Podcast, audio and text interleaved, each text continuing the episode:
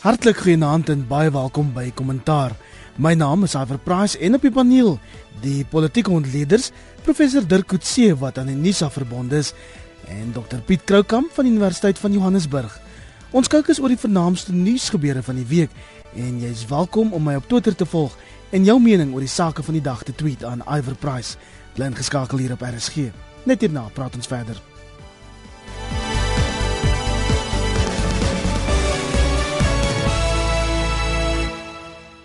Kollegas, ons begin by die voorsleepende mynstaking wat môre sy 20ste week bereik en rapport lui vanoggend by die nuus dat myne binnekort skagte kan begin sluit nadat die regering se bemiddelingspoging glo op niks uitgeloop het nie. Piet, hierdie staat regtig sy rug op die stakingskrisis ge gekeer of het die minister maar onderskat waarmee hy te doen het? Nee, ek uh, dink nie hy het onderskat nie en ek dink ook nie hy het sy rug op die onderhandelinge gedraai nie. Ek dink uh, hy sal vanmôre of uh, in die loop van hierdie week sal hulle seker maak dat hy verder betrokke is. Ek dink dis maar 'n oomblik van desperaatheid wat hy gesê het dat uh, hulle nou op hulle eie is as hulle nie op een of ander manier toegewings wil maak wat dit moontlik maak vir uh, vir hom om die proses tot konklusie te voer nie. Die uh, feit bestaan is mense moet eintlik wonder waar is die minister van arbeid en miskien moet mense 'n uh, 'n hoër delegasie, miskien moet Cyril Ramaphosa ook betrokke raak. Uh, maar die uh, dit lyk asof AMKU nie bereid is om enigins op 'n manier uh toe te staan dat die 12500 kan nie nou geïmplementeer word nie uh, want dit lyk of die myn myne mynhuise reeds gesê het hulle is bereid om ek dink Julie 2017 om uh, dan by uit te kom by die 12500 in ander woorde dis 'n stelsel wat progressief aangepas word tot daar. Die probleem vir MKO is natuurlik die die streep so diep in die sand getrek dat dit baie moeilik is om nou 'n konsessie te maak en ek dink dis waar ons met die probleem sit. Albei partye het die streep nou in die sand getrek op 'n bepaalde manier en om nou 'n konsessie te maak sal beteken dat jy op 'n of ander manier 'n groot deel van jou waardigheid in die proses ook moet prys gee. Aan die ander woorde, jy kon daarvan beskuldig word dat jy die proses uitgereik het tot hier, nou 'n konsessie maak en kyk die geweldige konsekwensies wat dit gehad het vir almal. Dis duidelik dat 'n ooreenkoms nie regtig in sig is nie. Al was daar 'n flikkering van hoop toe Nwakura Matlodi, die nuwe minister van minerale hulpbronne, tot die stryd toegetree het, Dirk. Ja, ek dink um, wat ons nou sien is is dat die proses, die openlike proses van onderhandeling of van bedinging waarskynlik baie naby aan die aan sy einde gekom het. Waarskynlik is die enigste opsie wat nou oop bly is om met onderhandelinge te begin wat heeltemal buite die openbare domein is. Iemand soos uh, Cyril Ramaphosa is baie goed daarmee bekend. Hy en sy en, en Rolf Meyer het dit gedoen in in 1992 na die Boipatong 'n dooiepunt ontwikkel het en wat hulle gegaan het en heeltemal buite die sig van die publiek en van die media uh, die record of understanding onderhandel het en enige groot onderhandelings deurbraak in watter vorm of dit nou 'n politieke onderhandelings is of 'n uh, uh, onderhandelings binne die die werksverband um, wat hierdie punt bereik het waar hulle nou is, ehm um, het net dit as as as 'n opsie oop en want dit moet dit wegneem van die druk van die lede van die grond af. Dit moet dit wegneem van die ehm um, druk wat die media daarop plaas of die die openbaarheid wat die media skep um, om enigstens by punte kom waar hulle kan praat oor moontlike skikking. Op hierdie stadium kan hulle dit nie doen nie as gevolg van die feit wat Piet van praat is dat daar posisies ingeneem is um, wat eintlik in 'n sekere sin die situasie ononderhandelbaar gemaak het. Onderhandelings was reeds in die arbeidshof wat weg was van die openbare oog. Ek dink ons weet niks wat daaraan gegaan het nie en dit het nie tot 'n bepaalde punt gekom nie. My uh, vraag is eintlik Cyril Ramaphosa word so sterk geassieer nog met Londen dat ek wonder of hy die regte karakter is. Ek wonder of mense nie selfs verder moet gaan en iemand probeer weet weer eens probeer iemand in 'n regsberoep jy weet uh, miskien nie Mogoeng Mogoeng ek dink nie hy's 'n ervare onderhandelaar maar iemand van daardie tipe status om weer 'n uh, keer na die ding te kyk. Daar's natuurlik die derde alternatief en ek dink dis een waarna die mynhuise kyk om eenvoudig nou te begin om mense af te lê en uh, bepaalde skagte toe te maak en die probleem met MCO het is hy uh, As die myne dit gaan doen, gaan hulle nie baie weerstand van die staat kry nou nie, want die staat wil ook hierdie ding op 'n manier besleg, maar dit geweldige konsekwensies vir die ekonomie. So ek vermoed as die as die ding na die punt toe kom wat Londen en die uh, mynbase begin skagte toemaak en mense afdank, gaan hulle waarskynlik uh, nie baie weerstand van die staat nou kry nie. Ek sien Mike Schuessler sê die sluiting van veral die Rustenburg skagte sal die grootste ekonomiese ramp in baie baie jare wees dirk. Ons sien reeds die effek wat dit gehad het op die eerste kwartaal van die groeikoers in Suid-Afrika dat dit omtrent met 0,6% afgekom dat daar nou 'n 'n negatiewe groeikoers is wat ons baie naby aan 'n resessie bring. Ehm um, so dat dit definitief implikasies en ek dink wat mense wat almal na verwys die ekonome is dat dit nie net kyk na die direkte uitset van die mynbou self nie maar ook die implikasies vir streke soos byvoorbeeld Rustenburg se ekonomie in die algemeen wat in die verlede die die hoogste groeiende ekonomie in Suid-Afrika was met meer as 6%. So dit het baie baie beslis baie die, baie implikasies um, vir Suid-Afrika in die algemeen. En ek dink dit gaan definitief vorentoe vir die Suid-Afrikaanse mynbou gaan dit 'n baie belangrike gevolge hê. Ek dink die een ding wat mense ander wel in ag moet neem is dat op die kort termyn gaan dit Zimbabwe bevoordeel om hulle is die die groot ander produseerder van platinum in, in saam met Suid-Afrika. Ehm um, en omdat die motorbedryf op hierdie stadium nog in 'n groot mate afhanklik is van platinum gaan die alternatiewe produsente waarskynlik baat by hierdie proses. Daar is ook ander platinum ehm um, produsente in Suid-Afrika byvoorbeeld die van Patrice Motsepe um, en ander rondom Rustenburg wat waarskynlik ook gaan baat by die die feit dat die drie grootste produsente uit die prentjie uit is. So daar is sekere gevolge wat dit miskien of uh, gevolge wat ons nou nog nie kan werklik antisipeer nie wat dit moontlik vir die Suid-Afrikaanse ekonomie gaan hê. En dan laastens dink ek wat 'n bedreiging vir platinum in die algemeen is is dat daar blykbaar ernstige navorsing gedoen word oor die moontlikheid van alternatiewe, nuwe kunsmatige alternatiewe vir platinum in die algemeen. So dit is dis alles faktore wat die Suid-Afrikaanse ekonomie en die mynbou spesifiek sou moet in ag neem as as mens kyk na wat die effek van hierdie staking oor langtermyn is. Jy weet alwaar jy moet onthou eh, die mynbedryf in Suid-Afrika is maar iets soos 9% van ons ekonomie, maar 50% van ons uitvoere kom uit die mynbedryf. En om net aan te sluit by wat Dirk sê is die Japaneese is bekend dat hulle 'n herwinningsprogram het wat uh, platinum betref wat besig is om die mark te bedreig. In hierdie hele staking het platinum se prys omtrent nie werklik opgegaan nie. Met ander woorde, die vraag was het bestendig gebly en die aanbod het waarskynlik redelik bestendig gebly ten spyte van hierdie groot stakings wat het. Die belangrike rede is omdat in eerste plek palladium is besig om platinum te vervang en in die tweede plek is die herwinning is geweldig groot in van lande soos Japan. So uiteindelik kan ons net skade. Dit kan na Zimbabwe se kant te beweeg. Dit kan herwinning uh, bevorder en uiteindelik gaan ons waarskynlik nie weer ons markte baie maklik terugwen nie. En die, in die groter konteks word ons natuurlik nou beskou as 'n destinasie van onbestendige investering en dit is al die goed baie sleg vir Suid-Afrika. In ander nuus, die sosiale media gons na die presidentsie gister gesê het dat president Jacob Zuma gehospitaliseer is, glo vir toetse. Dit volg 'n dag nadat die ANC hom op verpligte verlof geplaas het, glo om uit te rus vir 'n komende Lekgotla. En Dirk die president het dan in Maart 'n baie baie strawwe gesondheidstoets geslaag en Mac Maraj beweer dis net 'n pyn in die nek weens die spanning die gevolge van die verkiesing is besig om in te haal en as mens dink dan hy is 72 jaar oud. Dit was 'n baie strawwe periode, ek dink vir almal gewees, selfs vir ons wat maar net aan op die kantlyn in 'n groot mate was. Dit is te verstaan dat hy um, miskien nou voel wel hy het 'n periode nodig om weer homself reg te kry. Um, maar dit het natuurlik die effek dat dit die mense kyk na hom as persoon, die presidentsie en voel dat daar op hierdie stadium 'n baie kragtige, lewenskragtige persoon aan, aan die leiding moet wees. Um, en dit skep nie noodwendig altyd 'n 'n gevoel van daar is lewenskragtigheid aan die regering nie.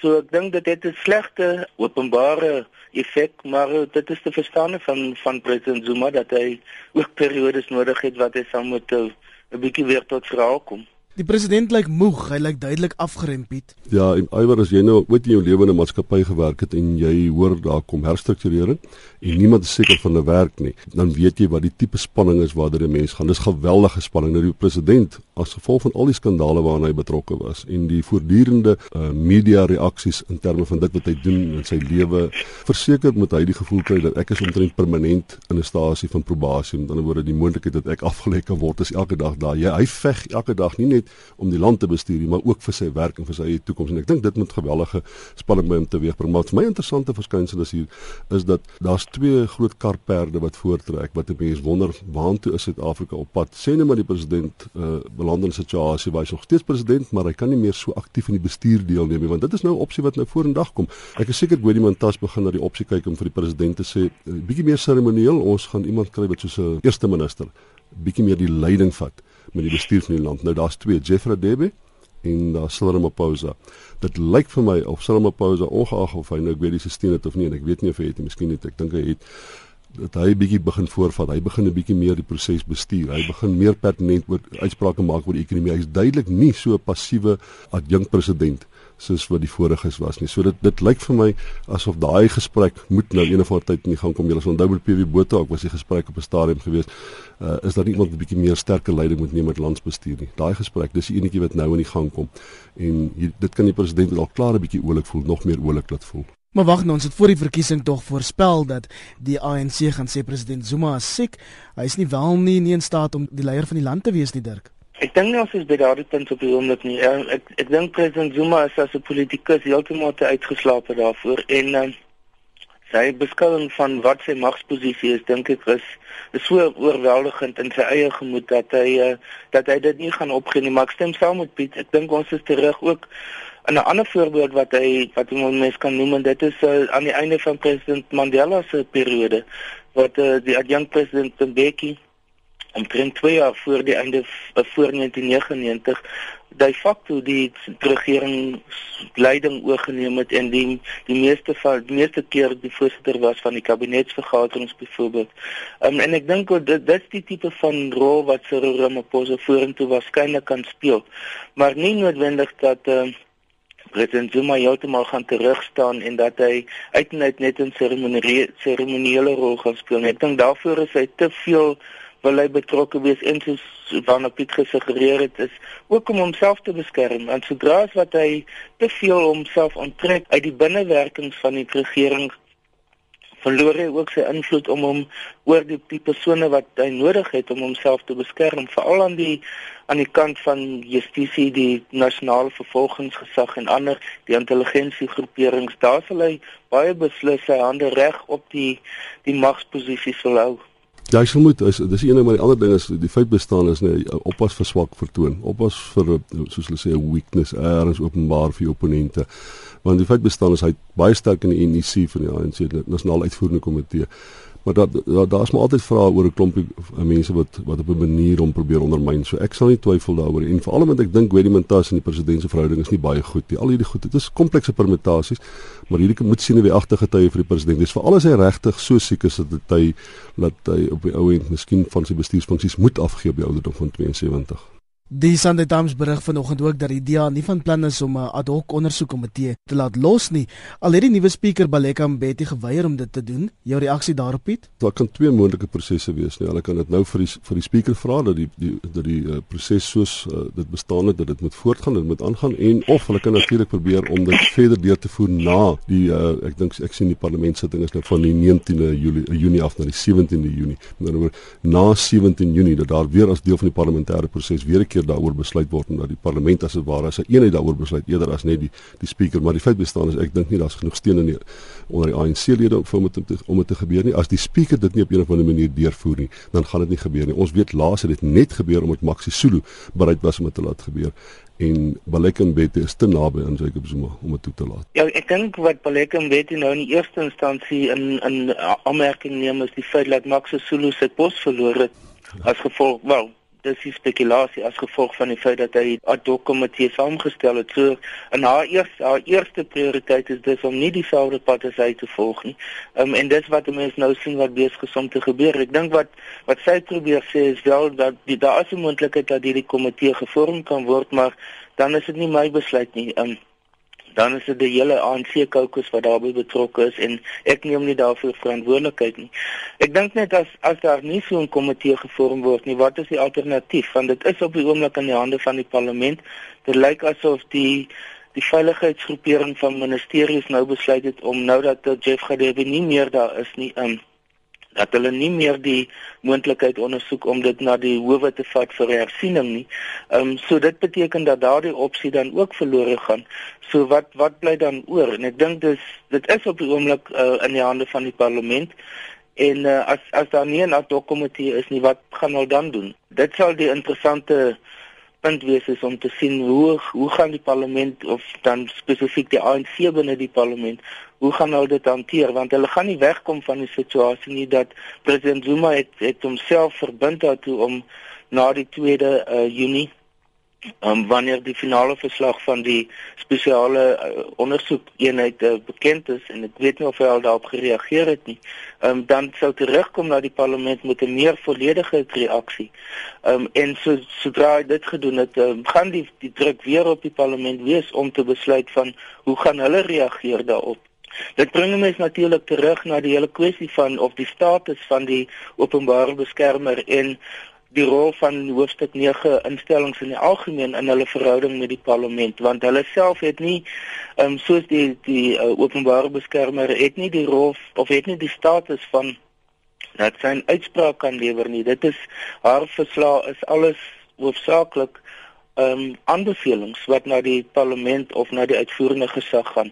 Ehm um, sodat uh, haar hande is in 'n groot mate nou gebind. Sy het nie verdere magte wat sy kan uitvoer uitoefen om dit ver, verder te neem nie.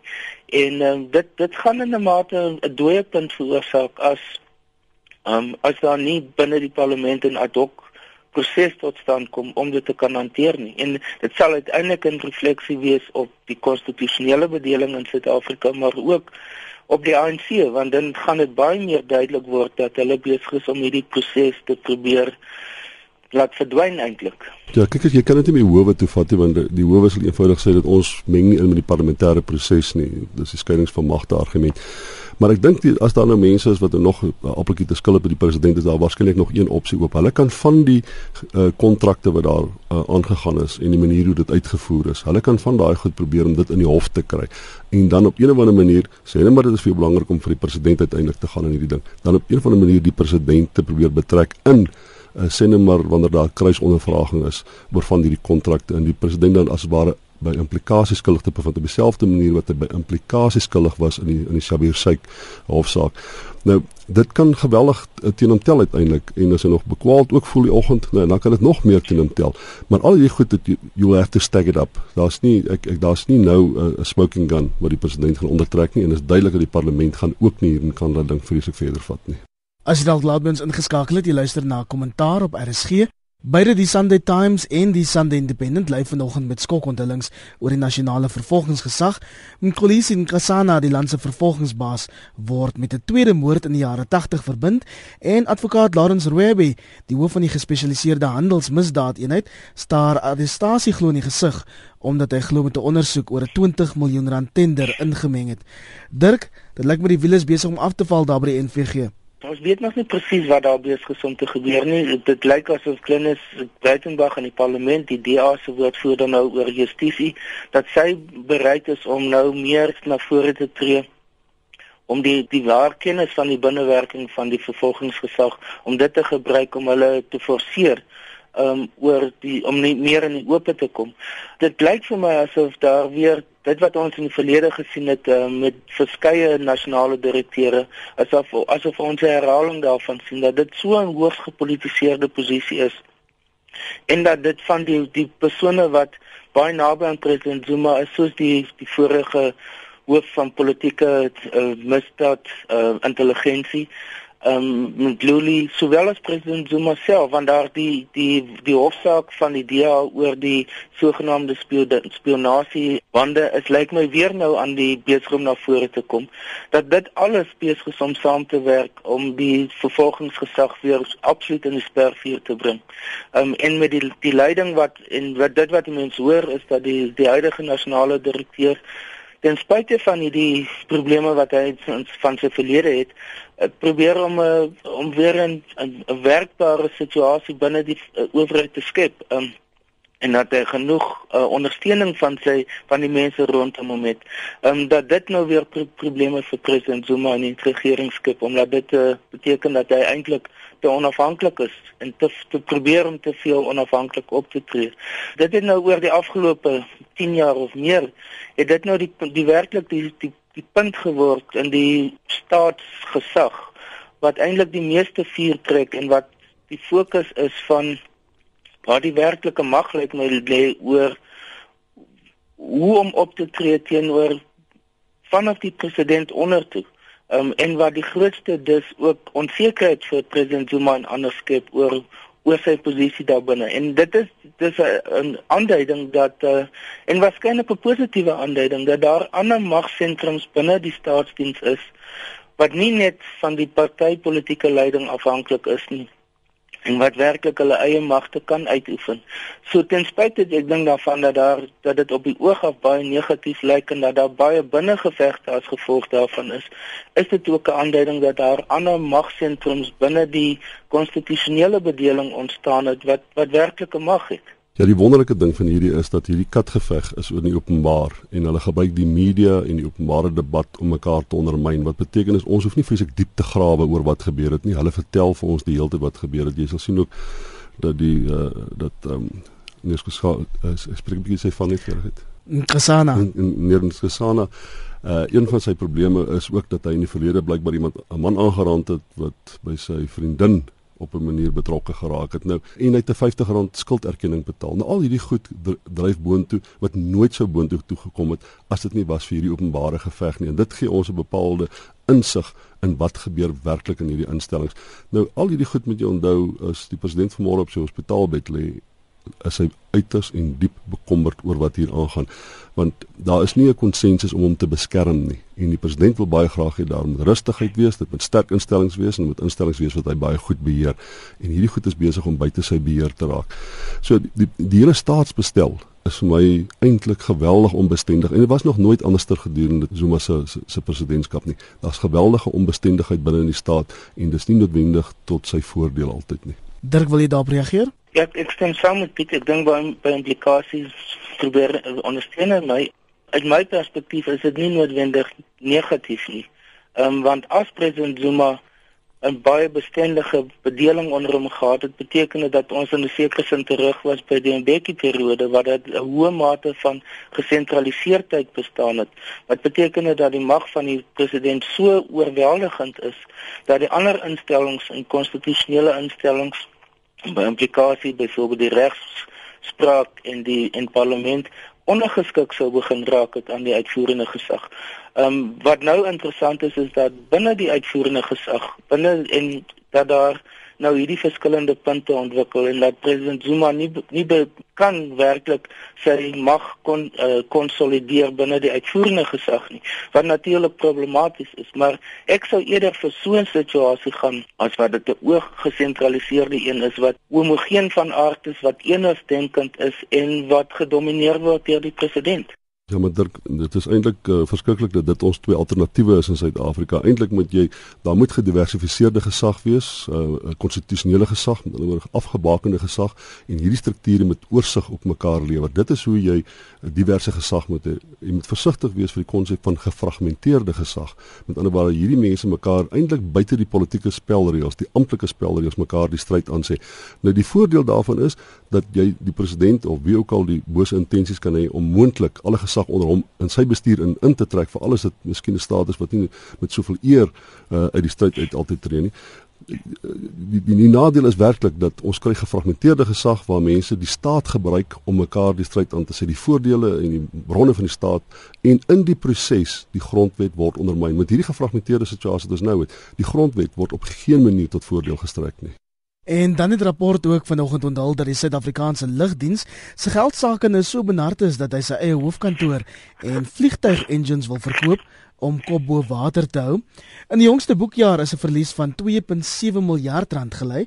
En Dirk, is die staatslugdiens nie verby die punt waar dit nog gered kan word nie? Moet ons nie maar net die ding verkoop of toemaak nie? Ek ek dink baie mense voel so. Ek dink baie mense binne die regering self dink ek voel so. As jy mens dit vergelyk met ander van die private wel kleiner dienste natuurlik wat wel 'n wins maak. Ehm um, so dit is nie onmoontlik nie. Die die, die een ding wat almal vir ons sê is is dat die internasionale lugdiens uh, bedryf is hoogs kompeterend op hierdie stadium dat die winste relatief min is. Ehm um, en ek dink een van die die groot probleme van Suid-Afrika is die feit dat hy ehm um, ons geografiese ligging. Ons is ver van die sentrum wat eintlik nog steeds die noorde is. So ons kan nie altyd baie goed werklik met die internasionale rederye beding SAL nie. Ehm um, die die ander aspek dink ek wat ter sprake is en wat 'n baie groot druk op SAL plaas is dat hulle ek vermoed daar is waarskynlik 'n politieke besluit lank gelede reeds geneem dat Israel eintlik deel word van die internasionale verhoudinge diplomatie van van die Suid-Afrikaanse regering. En dit roetes moes vestig na byvoorbeeld Rwanda en na Wes-Afrika en ander lande um, wat nie noodwendig winsgewend is nie maar wat deel is van die uitreik van Suid-Afrika na ander dele van Afrika. En wat ook probeer om dat Suid-Afrikaanse besighede daar um hulle voete moet vind. Um en dat Israel gebruik is as 'n rigsteen, as 'n manier om daardie projek of daardie beleid te implementeer. En en dit is natuurlik nie noodwendig veral in die begin winsgewend nie en dat uh, Israel die die koste daarvan in 'n groot mate moes dra. Maar ek dink die, die een van die groot probleme nou is is dat Israel waarskynlik in die posisie gaan kom waar hulle wat geen organisasie of besigheid wil wees nie en dat hulle mense sal moet begin aflê.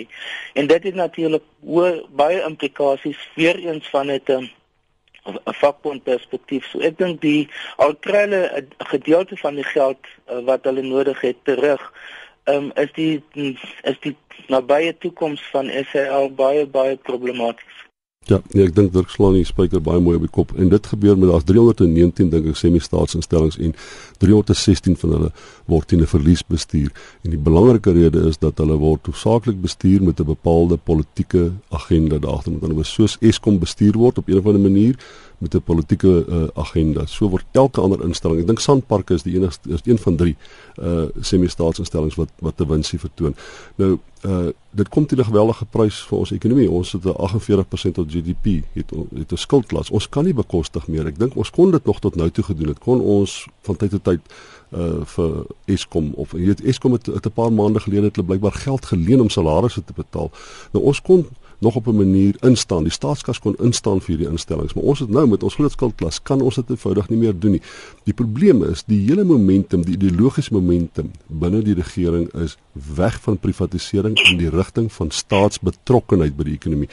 Met ander woorde, al maak dit nie meer ekonomies sin om hierdie instellings aan te hou nie. Dit is totaal teen die onderliggende filosofie van die regering van die dag om hierdie goed te privatiseer. En uiteindelik kan jy dit op geen ander manier winsgewend maak nie, want hulle ding mee met privaat instellings wat geweldig effektief is, wat geweldig besigheidsbeplannend is in in terme van dit wat hulle doen. So jy ding mee as 'n staatsinstelling met privaat sektor instellings wat winsbejag is. Jy kan nie kompeteer nie. En ongelukkig is ons filosofie juist vir groter staatsbetrokkenheid eerder as minder staatsbetrokkenheid. En hierdie is natuurlik 'n massiewe uitdaging vir Lynn Brown wat sopas begin werk het as die nuwe minister van openbare ondernemings bied. Ja, en Lynn Brown uh, het nog nooit die indruk geskep dat sy strydig is met die filosofie van groter staatsbetrokkenheid by die ekonomie nie. So ek voorsien dat as die volgende 5 jaar gaan hierdie instellings al hoe groter en groter probleme ontwikkel. Jy kan maar sien binnekort gaan mense afgedank word, hulle gaan vlugplanne begin opskort en elke ander instelling gaan dit doen. En soos wat Eskom gaan gaan geld leen om salarisse te betaal. Al hierdie goed gaan die hele tyd gebeur en mens moet voorsien dat op 'n stadium gaan van hierdie instellings so swak word dat hulle geen basiese diens meer kan lewer nie. En die ironie van dit alles is jy kan dit eintlik relatief maklik omdraai deur dit eenvoudig net meer sake gedrewe te maak, deur dit net 'n bietjie meer te privatiseer, die deur net net deel van die bestuursproses wat 'n kombinasie van die private sektor en die staat insluit te maak. Die staat moet nie so op 'n manier probeer om alles te bestuur in die ekonomie nie. Ons sien groot deel van ons ekonomiese probleme is omdat die staat homself as die belangrikste determinant in hoe die ekonomie geplooi word en dit is baie sleg vir vir vir die sake sektor. Dirk jou reaksie? Ek dink as jy mens kyk na wat uh, die afgelope verkiesing gesê is, die ANC se verkiesingsmanifest was baie uitdruklik daaroor gewees, ehm um, dat daar meer prominente staatsbetrokkenheid moet wees in in die uh ekonomie in die algemeen die sogenaamde ontwikkelingsstaat konsep is is vir nou al vir 'n redelike lang tyd is is eintlik die werk die die kernkonsep wat die regering gebruik om om sy betrokkeheid by die ekonomie te probeer uh, verduidelik. Um, en dan ook in terme van die suksese van wat nou in die, in in Asië plaasgevind het. Wat hulle wel nie sê nie is is dat hierdie ontwikkelingsstate almal eenpartytstate was en dis nie demokratiese bedelings nie. En en dit is die groot probleem van hierdie demokratiese staat of ontwikkelingsstaat konsep is is dat daar nog nie 'n werklike voorbeeld daarvan bestaan binne die demokratiese uh, bedeling nie. Ehm um, so dit is die die toets vir of die ANC se filosofie uh, werklik kan werk um, binne 'n demokratiese bedeling. Dit is nog nie bewys nie. En ek dink dit is een van die die die grootste uitdagings vir vir hierdie idee van van die ANC se nuwe ekonomiese filosofie is is of, of dit werklik werkbaar is.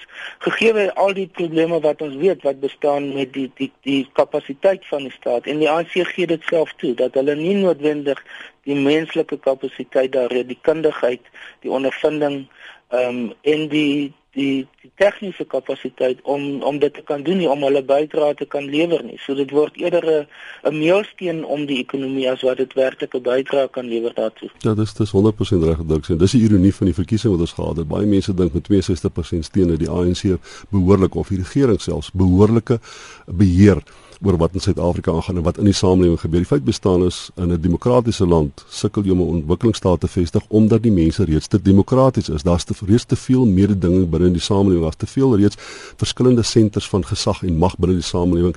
Dit is nie moontlik vir die staat om homself te forceer op die op op op die wil en die wet wat binne wat binne die samelewing reeds funksioneer nie. En dit is die probleem vir die regering dat hy het nie genoeg orde of die kapasiteit om 'n ontwikkelingsstaat te vestig in Suid-Afrika nie. Intussen stroom Haldeblyk steeds in vir Wile Epenet Mbeki, die ma van oud-president Thabo Mbeki en die eksvrou van Governor Mbeki wat gister op 98 oorlede is. Dirk, kom ons begin by jou. Hoe behoort Suid-Afrikaners haar onthou of hoe onthou jy haar? Die prentjie wat ek in my gesit uh, het in my gemoed van haar is waar sy in haar klein winkeltjie is en al die persone van president Zuma af onder toe daar ontvang. So sy is nie in Groot Johannesburg of Pretoria of selfs in Port Elizabeth of Oos-London nie, maar bly steeds op daar waar hulle um, in die klein dorpie waar hulle hulle familie gevestig was. Dit dis waar sy al die jare gebly het. Ek dink een van die die interessante tendense wat in in haar eie lewe is dat sy reg teen die einde van die ANC weggebreek het. Sy het lid van Cope geword. Sy was baie openlik daaroor. Ehm um, en byvoorbeeld in die laaste verkiesing het soos ek verstaan het sy nog steeds verkoop ondersteun. Ehm um, so dit beteken dat as jy mens kyk na die Mbeki familie in die algemeen is dit 'n is dit is, is dis 'n ongewone familie want aan die een kant het ons het ons mens vir Governor Mbeki gehad wat saam met president Mandela en ander die Rivonia gevangenes die 20, 27 jaar in in gevangenes was en meestal op Robben Eiland uh, wat sy hele lewe lank 'n uh, uh, baie sterk ondersteuner van die kommunistiese party in die eerste instansie was. Daar's baie goeie getuienis oor hoe hy van Mandela verskil het oor baie fundamentele sake op Robben Eiland in die debat debattering wat daar plaasgevind het. Um, dat hy nie baie ten gunste was van die onderhandelingsproses in die vroeë 1990s nie teenoor dan sy seun wat een van die leidende rolle gespeel het en wat uiteindelik we weggebreek het van die kommunistiese party. Dit is nou Thabo Mbeki teenoor sy ander seun Moletsi Mbeki wat baie krities geword het teenoor die ANC en een van die ek sou sê hoof uh, kritisie is um sedert selfs die Mbeki era van van die ANC in die algemeen. So dit is 'n familie van uiteenlopende denke en belange en wat nooit werklik as 'n familie bymekaar kon kom nie. Ek het byvoorbeeld met Governor Mbeki net na sy vrylating gaan gaan praat en onderhoud met hom gevoer. Dit was nog voor 1990 um, en probeer soort van uitvind hoe dink hy oor sy seun Thabo Mbeki en hy het na hom verwys as Comrade Mbeki. So dit was 'n baie snaakse verhouding wat daar bestaan het in binne die familie. Um en ek dink dis hoe ek haar sal onthou sowel as die Mbeki familie in die algemeen. Ek dink 'n eetkamertafel in die Mbeki huisgesin moes 'n baie baie interessante plek gewees het omdat elkeen het 'n ander opinie gehad en sterk opinie gehad en hulle het, hulle het, hulle het, hulle het, hulle 'n geskiedenis van verskil van mekaar, maar met 'n groot klomp integriteit en die die matriarg van die familie was het in sekere sin vir my daai integriteit verteenwoordig. Sy het, sy was bereid om haar politieke opinie te verander, sy het haar politieke party verander uiteindelik, maar met groot mate van integriteit en waardigheid. Daar's nie een enkele skandaal waarmee jy daai vrou assosieer nie. Ek wens daar was meer families in Suid-Afrika met daai geskiedenis wat die Mbekkies gehad het. En sy se ma wat 'n spreekwoordelike lat kon slaan, want sy was ook baie uitgesproke toe haar seun Tabo as die land se president die trekpas gekry het, Piet. Ja, nee, sy was en uiteindelik dink ek dit sy wys sy uh, hoe sy daaroor voel deur Cope te stem stem stem wat eintlik in aanvanklik geassosieer word was met die mense wat weggebreek het oor die wyse waarop Tabo 'n bietjie uh die die die die politieke toneel moes verlaat. Maar dit dit is dit is tipies in die familie gewees. Dit was nie net Gowan wat wat 'n sterk uh politieke opinie gehad het. het die sy vrou het net so 'n sterk politieke opinie gehad was. Hulle was besigheidsmense gewees in die Oos-Kaap. Hulle is bekende besigheidsmense gewees. Die Mbeki familie het nie het nie groot geword as arme mense nie. Hulle het groot geword as besigheidsmense, klein sake sektor mense met 'n lewendige debat en 'n baie interessante vrou wat 'n mens eintlik te min van weet. Mense dit, dit sal nie moeite werd wees as daar 'n biografie van haar verskyn. Dirk, wil jy nog enigiets byvoeg? Een van die die punte wat ek wil beklemtoon is uh, wat hy genoem het haar integriteit. As jy mens byvoorbeeld die nou en dan was daar berigte oor hoe sy betrokke was by al die gemeenskap rondom haar en so hoe sy probeer het om hulle ook in terme van besigheidskundigheid te probeer verbeter en dan hulle eintlik onderrig te gee as ek dit so kan noem of opleiding te gee of idees te gee oor hoe om hulle self op te hef en self te ontwikkel. Ehm um, so sy was baie betrokke by gemeenskapsprojekte in haar gebied gewees. En saam daarmee het sy ek, ek dink een van die punte wat belangrik is is dat ten spyte daarvan dat haar familie so prominent is het sy gebly by haar oorsprong by waar sy waar sy uh die grootste deel van haar lewe voor 1990 was en 'n nie deel geword het van die politieke elite nie. En ek dink dis iets wat 'n uh, wat 'n voorbeeld is wat 'n uh, iemand soos die persone wat die naaste kan kom daar kom is byvoorbeeld iemand soos Albertina Sisulu wat 'n uh, effens anders was sy was in Soweto en was miskien meer prominent maar het daar dieselfde tipe van rol gespeel. En dit bring ons aan die einde van vanaand se kommentaar hier op RSG. Baie dankie aan Dr Piet Kroukamp van Universiteit van Johannesburg, Nancy. Nancy. En dan ook professor Dirk Coetzee wat aan die NISA verbonde is. Nancy Dirk. Goeienaand, Albert. My naam is Iver Price, bly ingeskakel vir finansiële fokus.